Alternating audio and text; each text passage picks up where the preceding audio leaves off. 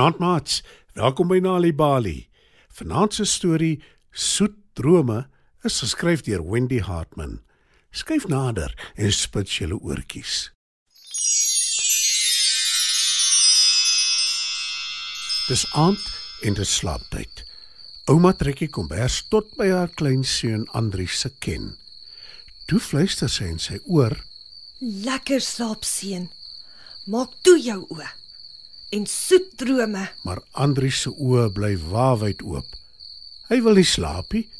Hy wil ook nie hê ouma moet die lig afskakel nie. Ouma weet dit. En sy neerie vir hom 'n wiegelietjie. Maar Andrius sê, Ek wil nie slaap nie, ouma. Nog nie, asseblief. Ek hou nie van die donker nie. Die maan skyn dan deur jou venster, Andries. Dis nie heeltemal donker nie. sê ouma met 'n glimlag. Maar Andrius skud sy kop en vra, En as die maan agter 'n wolk verdwyn en is donker, wat dan? Dan sal jy die sterre sien skyn.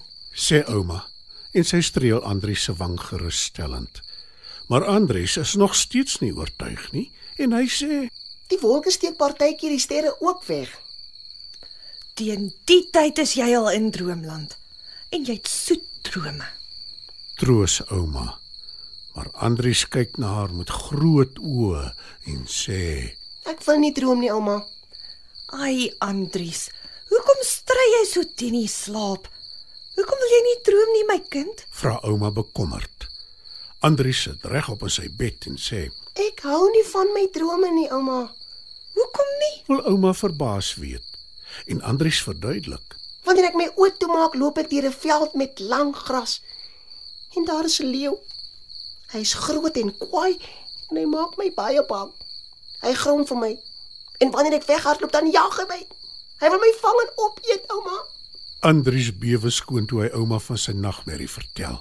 Maar ouma glimlag en troos. Dis net 'n droomkind. En ek beloof jou, die einste leeu is banger vir jou as wat jy vir hom is. Andrius sit ruk en nadink. Toe sê hy ongelowig: Die groot kwaai leeu bang vir my. 'n Klein seentjie. Nee, ouma. Vir die leeu lyk jy ook groot en kwaai. Dis hoekom hy bang is vir jou. sê ouma. Andrius lag en sê: Ouma is baie snaaks. Ek het 'n voorstel. Maak toe jou oë en dink baie hard aan die leeu. So hard dat jy wel van hom sal droom. sê ouma. Andrius se oë rek groot. Hy weet nie hoekom ouma so iets voorstel nie en hy sê bang. Nee, ouma, ek kan dit nie doen nie. Probeer dit net. En wanneer jy die leeu sien in jou droom, gaan staan stil en kyk hom in die oë. Moenie weghardloop nie. Dan sal jy sien ek praat die waarheid. sê ouma. Maar Andrius is nog steeds nie oortuig nie en hy vra. Is ouma seker? Ouma knik haar kop.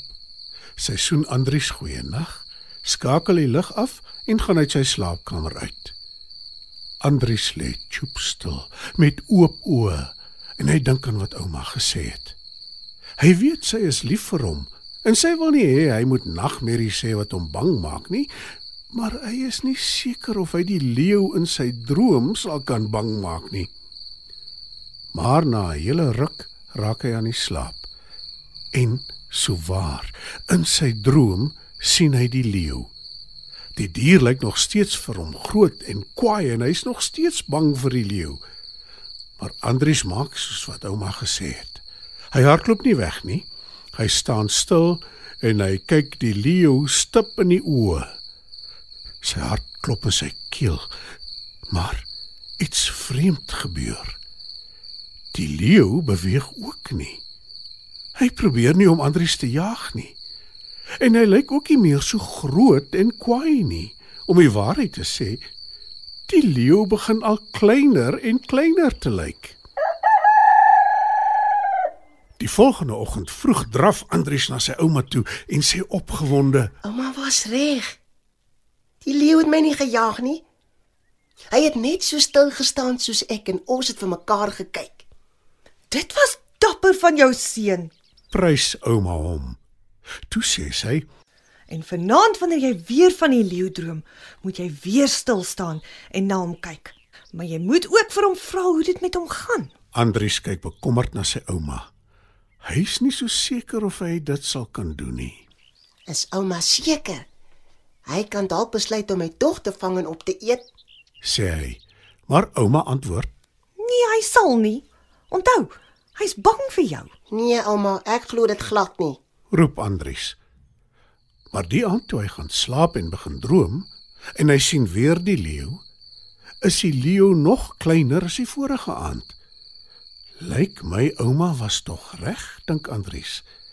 En hy vra vir die leeu. Hoe gaan dit met jou, leeu? Die leeu kyk groot oog na Andries. Toe sê hy: Nie baie goed nie. Ek is bang. Gaan jy my vang en opeet? Nee, nooit nie. roep Andries en lag. En met dit word hy wakker. Hy vertel ouma van die droom en sy glimlag. So nou het jy wel 'n soet droom gehad, né? sê ouma.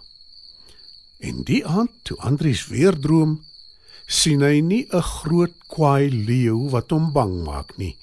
Hy sien 'n klein leeuetjie en die twee van hulle speel te heerlik saam. En daarna kan hy nie wag om te gaan slaap nie, want sy liewe ouma was reg. Hy het nou net soet drome.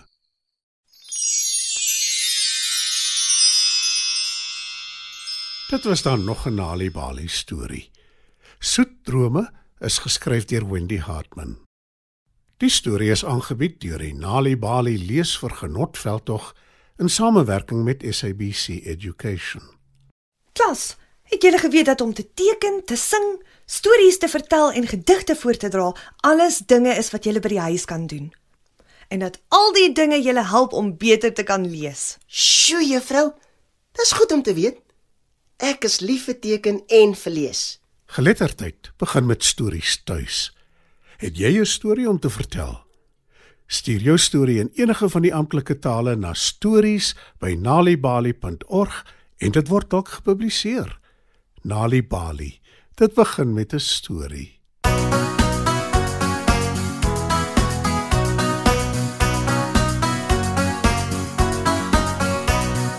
Boekies lees, boekies lees, is mos groot vet pret. Op die mat, in die bad, sissig in die bed. Boekies lees, boekies lees, doen dit elke dag. Lê op jou rug, lees in die lug met kussings lekker sag.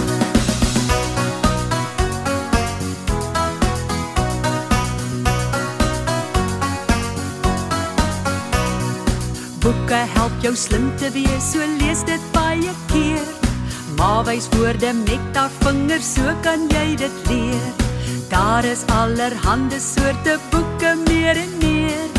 Boeke groot en klein, ja, daar's 'n boek in elke kleur. Storieboeke, prentjieboeke, ensiklopedie. Boekies van karton of lap plastiek of van papier. Storieboeke, prentjieboeke, ensiklopedie. Boekies van karton of lap plastiek of van papier.